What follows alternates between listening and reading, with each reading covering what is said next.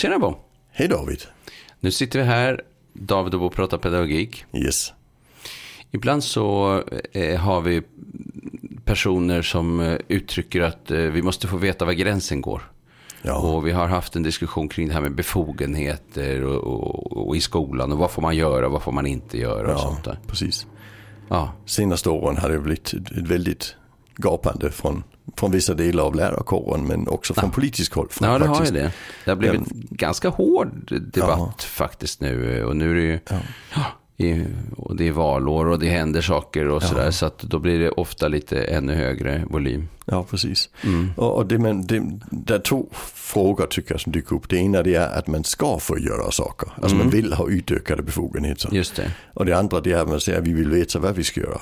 Mm. Vad vi får göra. Ja, Eh, Och där gjorde ju regeringen ett utspel nu. Vi får se hur det blir med det, om det går igenom. Men det man sa där det var att vi, eh, man, man, man ger ju läraren ansvar för att avbryta vissa situationer ja, med fysiska interventioner. Men man går inte i detalj vad man får göra. nej, Och det regeringen tydligt säger det är att det här är ingen utökande av befogenheter. Nej. För vi har ju nödvärn och så vidare redan i, ja i, i lagen. Men det det faktiskt blir det är att det blir ett tydliggörande av att man måste göra det. Mm.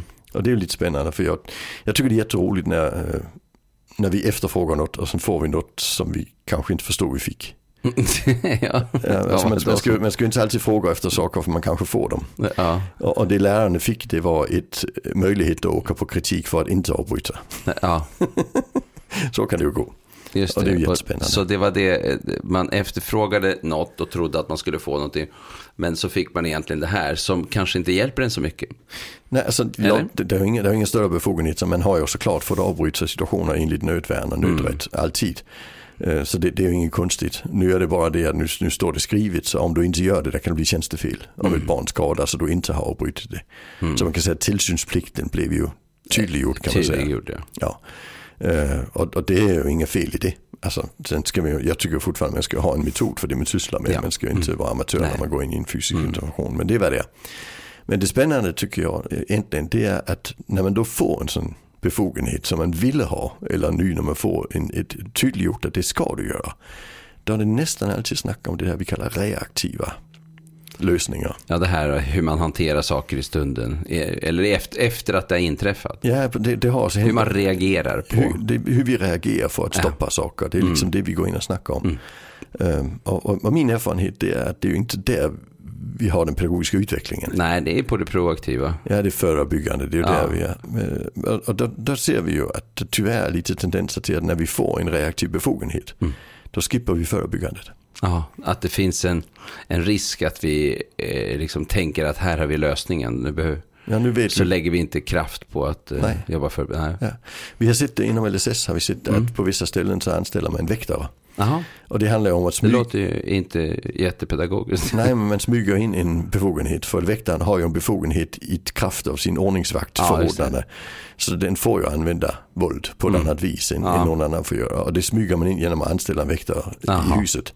Men, men där ser vi ju att där tappar personalen ju väldigt mycket kompetens i förhållande till att förebygga. För nu behöver man inte det längre. Nej, för då kan, man, kan vakten få ta hand om det. Ja, precis. Aha. Eh, Och, och det är lite så jag tänker också i skolan att när vi säger liksom efter det här Lidköpingsärendet får vi nu ta tag i folk med ett brottsangrepp? Eh, Mm. Ja, just det. nej, sa lagen, det är inte, eller sa domstolen, det är inte det vi säger. Nej. Men här var det okej, för det var inom nödvärnsrätten. Liksom. Det. Men det betyder inte att vi får använda den metoden, det är ingen befogenhet att använda våld. Mm. Men nu, nu är det ett krav på att vi ska avbryta i alla fall konflikter mellan Ja, elever då måste man ha lite strategier, tänker jag. Ja, det ska, dels ska man ju ha bättre strategier än bara brottsangrepp. Eh, Ja, det verkar ju bra. Ja, för vem som helst ska kunna göra det, inte en som har brott. Mm. brottats i många år. Men, men det nästa det är att vi, vi, det är en risk nu att vi säger eftersom vi får göra så, då skippar vi förebyggandet. Och den, den tycker jag Mm. Trots att inte befogenheten har ökat egentligen. Ja, för det Mm. nu är det tydliggjort att du ska avbryta. Medan innan där folk var lite rädda för att avbryta, där kanske det var mer, vad ska vi säga, motivation för att Mm. jobba förebyggande. Så det, det är inte enkelt. Nej, det som skulle kunna hända är ju om man har lite olika incidenter och inser att de här hade man kunnat eh, undvika om man eh, var förebyggande. Ja. Och att man sen använder sig av den kunskapen för att eh, jobba förebyggande istället för att eh, eh, eh, bara hitta fler sätt att hantera saker och ting på, på Ja. ett dåligt sätt, vilket ju skulle kunna hända. Ja, alltså jag brukar köra den här modellen, jag tror vi har snackat om tidigare, hantera, utvärdera, förändra. Ja, men precis. Att vi, säger, är bra. vi måste ju hantera och det Ja. Mm. gör vi ju enligt nödvärn ibland. Alltså när det blir våldsamt. Ja, precis. Eh, Och det är ju, det är ju vad det är. Sen Ja. är det viktigt att vi inte försvarar det. Utan Nej. vi går in och säger hur, eh, hur ska vi se till att det inte händer igen. Mm. Så vi ska in och utvärdera varför det hände så vi kan göra förändringar så inte det händer igen. Just. Och det här är problemet när vi, när vi efterfrågar befogenheter. Där efterfrågar vi ju metoder som innebär att vi slipper utvärdera.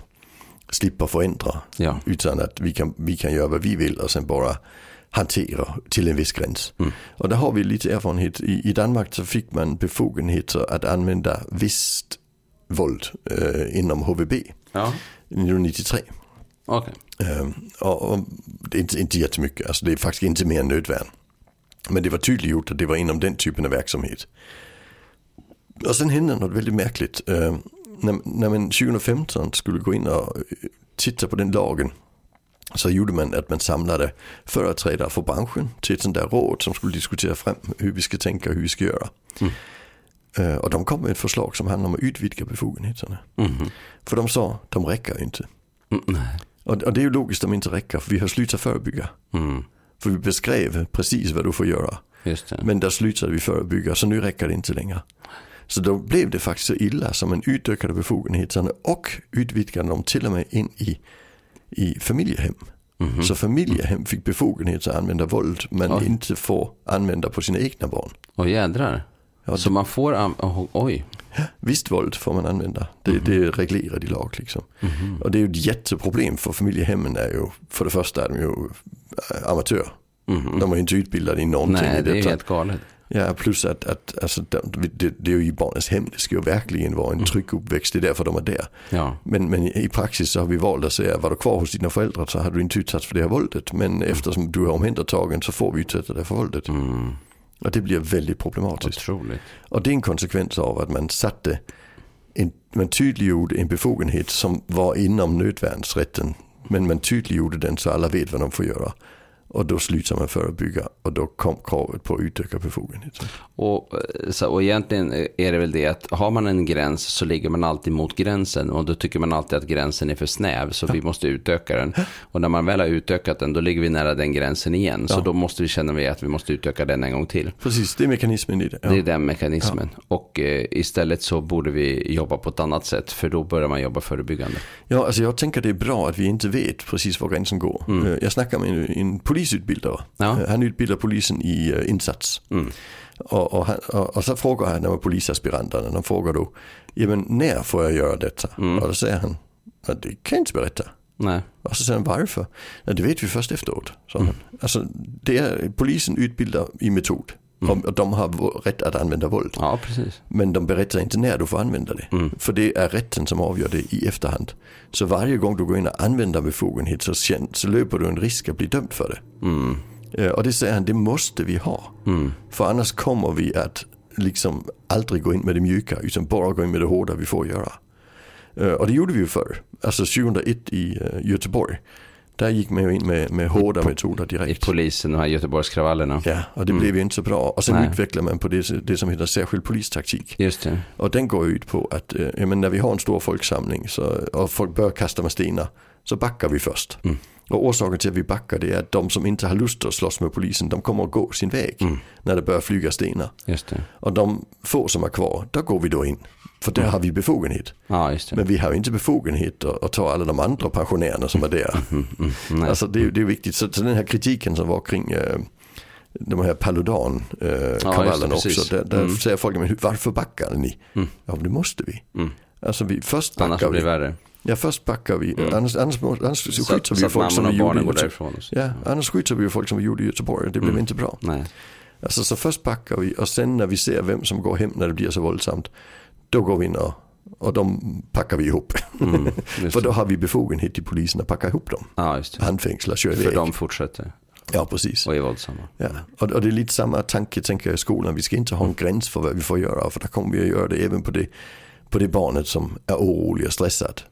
Istället för bara på den som vi upplever att här måste vi göra det för här är det verkligen nödvändigt. Ja, och det, vi har ju haft den här eh, i USA också med nolltolerans i skolan. Det gick ju inte heller så bra. Då har man ju också haft väktare och, och allt vad det har varit eh, genom årens lopp. Ja, det gick ju verkligen inte bra. bra. Det gick käpprätt kan man väl säga. Ja, framförallt de, de studier vi har visar, det kallas school to prison pipeline. Ja, precis. Det har de vi pratat det, om ja, det, tidigare. Ja, det ökade ju framförallt kriminaliteten hos de barnen när de blev vuxna väldigt kraftfullt. Ja, just det. Ja, både på de som, men, som utsattes för de här insatserna men även de som inte gjorde. Det pratade vi om för kanske ja, någonstans i mitten av alla våra avsnitt eller tidigare. Men det, ja. det, det finns en egen rubrik för just det. Ja, den forskningen pipeline. För den som är intresserad. Mm, ja. Mm.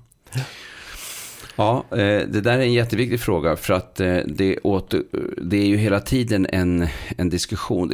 Det är nästan lite grann så att det känns som att de som driver den här linjen om hårdare tag eh, tydligare gränser, de vinner alltid på något sätt. För att ja. de jobbar på rädslofrågan. Liksom, så att eh, mm. det blir att man inte riktigt, eh, om, om man skulle säga emot, då blir det nästan som att ja, men vi kan ju inte ha våld liksom, i våra Nej. verksamheter. Nej, det är klart, det kan vi inte ha. Alltså, jag, jag, brukar säga så att eh, de som tänker att barnen gör sitt bästa, mm. de förstår att det finns folk som tänker att barnen kan om de vill och det är bara deras, alltså de gör det med flit. Ja. Men de som tror att barn gör det med flit, de förstår inte vad vi andra tänker. Nej, det där är intressant. Ja, alltså det, det, är så jag upplever det i handledningen i alla fall. Ja. Att, att de, alltså, har man en lydnads förväntan som sin grund för pedagogiken så förstår de inte att vi andra tänker annorlunda. Nej, just det, precis. Och det innebär att de tycker bara att vi andra är flummiga. Ja, just det. Alltså för de förstår inte att det, det, vi har faktiskt en stringent tanke i detta som ja, bygger på mänskliga rättigheter och så vidare. Ja, mm. Men för dem då upplevs det bara flummigt. För det är väl klart att barn ska göra som det blir sagt. Mm, just det. Alltså det, det, det, är, det, det, det, det, det är så det måste vara för att det är mm. Eh, så man formar ett samhälle. Vi kan inte annars, ha laglösa ja. barn. Liksom. Nej, annars faller hela samhället, tänker mm. de. Ja. Och det är de som säger eh, roliga saker som att vi kan inte ha en regel utan en konsekvens. Nej, precis. Riktigt märkliga saker. Mm. Alltså, vi har massor med regler i samhället där vi inte har konsekvenser på. Sociala ja. regler och mm. så vidare. Det funkar ganska bra. Mm. Eh, men, men man har sådana liksom mantran som, mm. som ju, jag tycker det är ett ganska primitivt tänkande. Mm.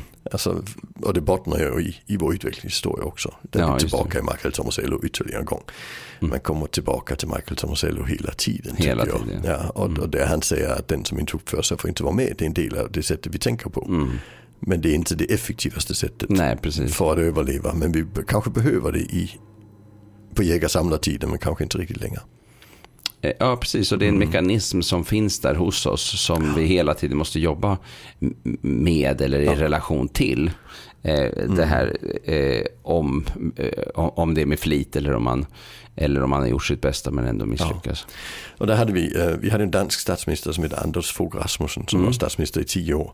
Och han var ju han var väldigt borgerlig i sitt mm. sätt att tänka. Och han, i, i tidningarna, så när man skulle teckna satirteckningar, så tecknades han ju alltid som en sån här grottgubbe med en, en, en, en, en vad heter det, leopardpäls och, och en, en, stor klubba liksom. För det var liksom, det var den primitiva, det var hans... det var den primitiva tanken, hårdare tak och det är klart man får inte göra så och så vidare.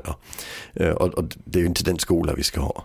Alltså det, det är ju jätteviktigt. Nej, men precis. Alltså vi ska, vi ska ha en skola där barn utvecklas och, och, det, och det gör de ju inte när de kommer under de här. Ja, läroplanen är ganska tydlig med att det handlar om att man ska bli en ansvarstagande individ. Att man, ja. att man ska liksom och att den rörelsen egentligen är eh, eh, kopplad till att man, man behöver få support där man befinner sig. Och, ja. och, och, lärande eh, vet vi ju handlar ju om att föra en person från där han eller hon befinner sig ett steg vidare och inte på något annat sätt. Så ja. det, det, betyder att vi måste jobba individanpassat egentligen. Ja, precis. Mm. finns en, eh, en i, uh, Ekonomisk debatt är en tidskrift som mm. nationalekonomerna ger ut och de har gjort ett tema nummer, nummer 4 2022. Mm.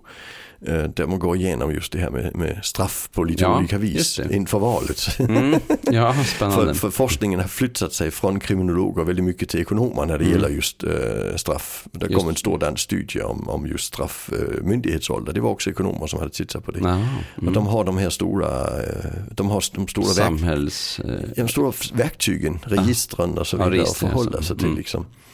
Eh, Men de har tittat bland annat på det här med eh, straff kontra fotboja. Mm. Och det, och det är ju faktiskt ganska roligt eh, när vi tänker på konsekvenser. För fotbollen innebär att du kan fortsätta med ditt liv någorlunda som vanligt. Och, och, och det visar sig att återfallsprocenten var ju klart lägre. Alltså m- mellan en tredjedel och 50 procent, alltså hälften lägre eh, när, när du hade Fotboja jämfört med med, fängelse. jämfört med fängelse. Ja. Så det var helt klart positiva effekter. Mm. Men den största effekten var ju att man inte blir lika, äh, vad heter det, stigmatiserad. Mm. Alltså straff stigmatiserar ju också. Ja, och i det, det. fallet då blir det folk som har suttit i fängelse är väldigt svårt att komma tillbaka i samhället. ja. Och därför blir det besvärligt. Mm. Det var den ena saken. Den andra de tittade på det var bland annat vilka är det som blir kriminella. Mm. Eh, och, och det visar sig att en av de absolut viktigaste faktorerna det är ju att man, Ekonomi. Ja, ekonomi är viktigt. Ja. Alltså, genomsnittet för de som är dömda för brott, äh, genomsnittsinkomsten var 80 000 året innan Mm. de, de eh, dömdes. Medan genomsnittet i Sverige är 266 000. Ja, det är typ... Så det var kraftigt. Men, men det är också en väldigt stor skillnad på just att ha klarat sin grundskola. Ja, precis. Alltså det- där vi säger att det, Mm. alltså, det, det Jetskolan är extremt viktig där. Ja, alltså det var, det var ju typ 70% av de som hamnade i fängelse hade inte klarat Nej. grundskolan. Nej, precis. Medan det är 13% av den samlade befolkningen som inte har gjort det. Mm. Så, så när En vi... enorm överrepresentation av det. Ja. Eh, av neuropsykiatri också förstås. Ja, det Eh, tog de vet inte vi. riktigt upp där, Nej, men, men- men- det men fin, det har vet vi, finns ju andra studier på det. Vi, vi, vi vet i Sverige har vi ju utrett eh, alla som döms till mer än två års fängelse åker till Kumla. Ja. Och sen blir de utredda där. Och där ligger de ju, för 20 år sedan låg de på runt 52% ADHD och nu är vi nere, ADHD, ja. och nu är vi nere på 48. Så ja det, är, det är inte så stor det är skillnad. inte så stor skillnad, nej. så vi har inte blivit så jäkla mycket bättre på att handskas med barn med ADHD, men lite grann. Nej, precis som det är nu inom ramen för Ja. signifikansbegreppen. Det är en annan femma. Ja, jo, men, men, men det viktiga tycker jag att säga kring de här siffrorna det är ju att, att alltså, vårt mål måste ju vara att barnet klarar grundskolan, det individuella barnet. Nej. Inte att få vardagen att funka idag. Mm. Alltså, så, så vi säger Lasse får inte vara i klassrummet för han ställer till det. Mm. Det, det innebär att vi, vi förstör Ja, jättemycket. och min, min eh, jag vet inte, jag tycker det känns som att vi har, känns som, det kanske är dåligt att säga så, men för jag har ingen forskning på det så, men eh, att eh, möjligheterna till att åstadkomma lösningar är enligt vad säga, enligt skollagen ganska stora, men enligt praktiken ganska små. Därför att på något sätt så fastnar folk i Eh, det här kan vi inte göra på grund av eh, timplanerna eller rädslan för att föräldrar ska komma och eh, eh, anmäla skolan för att de inte har fått tillräckligt många mattelektioner. Alltså, Och tidigare så, jag har undervisat, eller inte undervisat, jag har eh, handlett jättemycket olika så här mindre undervisningsgrupper. Och ehm, eh, till exempel med tonåringar eller yngre. Och det var jättevanligt att man gick iväg, gjorde olika saker eh, eh, tillsammans. Och sen så drev man på med, och det kom ju eh, med Lgr 11 kan man väl säga, eh, efter skollagen 2010 också. Då kom det här med att, eh, nej men nu så, eh, liksom, nu är det de här sakerna vi ska göra, det, det, och det är timplaner och det är liksom tydlighet och man ska lära sig de här sakerna. Och barnet har rätt, eller eleven har rätt till att lära sig.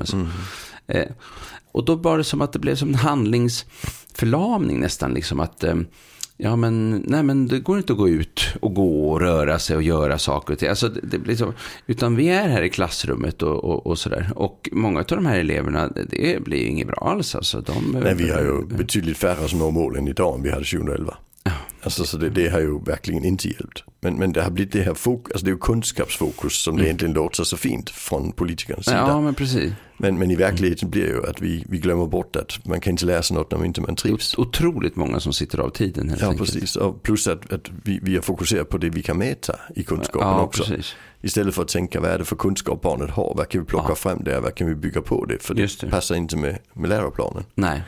Så det, men det är ju en jättefråga och jag tänker ju att det är, det är något som, alltså vi kommer ju alltid att, vad ska vi säga, knåda den här LGR och skollagen lite åt olika håll alltid. Men jag hoppas ju att vi får lite mindre, vad ska vi kalla det, auktoritärt och kunskapsfokuserat. Alltså eh, grejen är att nu fokus. så, nu så uppdaterades den 2022 här. Eh, så att det är precis nu det kommer att börja gälla här snart.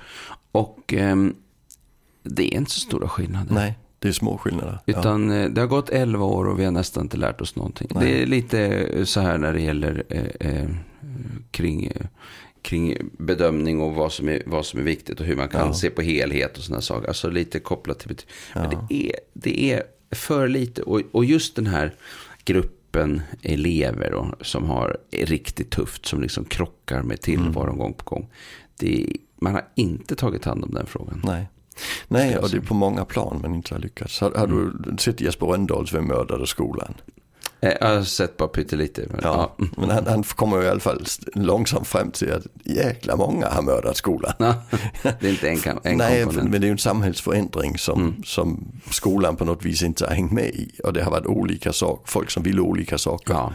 Uh, och, och, därför har det blivit en, en enda gröt. Mm. Uh, och jag tror ju att vi hade klarat oss bättre med hälften så många som tyckte saker. Och framförallt hade vi klarat oss bättre om experterna hade fått tycka istället för politikerna. Mm. Men det är ju jag det. Ja. Politiker är amatörer uh, av princip. Alltså, ja. det, det, är viktigt. En politiker ska ju lyssna på experter. Ja, vi har ju, vi har inte meritokrati, vi har demokrati. Ja, fast, fast... Som bygger på. Ja, men, men vi har fått det så att politikerna säger jag tror inte på experterna. Eh, nej, precis. Och då blir det väldigt märkligt. Det blir jättekonstigt. Ja, och det har ju fått leda skolan i, i fram till där vi är idag. Ja, precis. Alldeles för länge. Ja. ja. Mm. Vi eh, avrundar där mm, för idag. Det får vi göra. Ja. Tack och hej.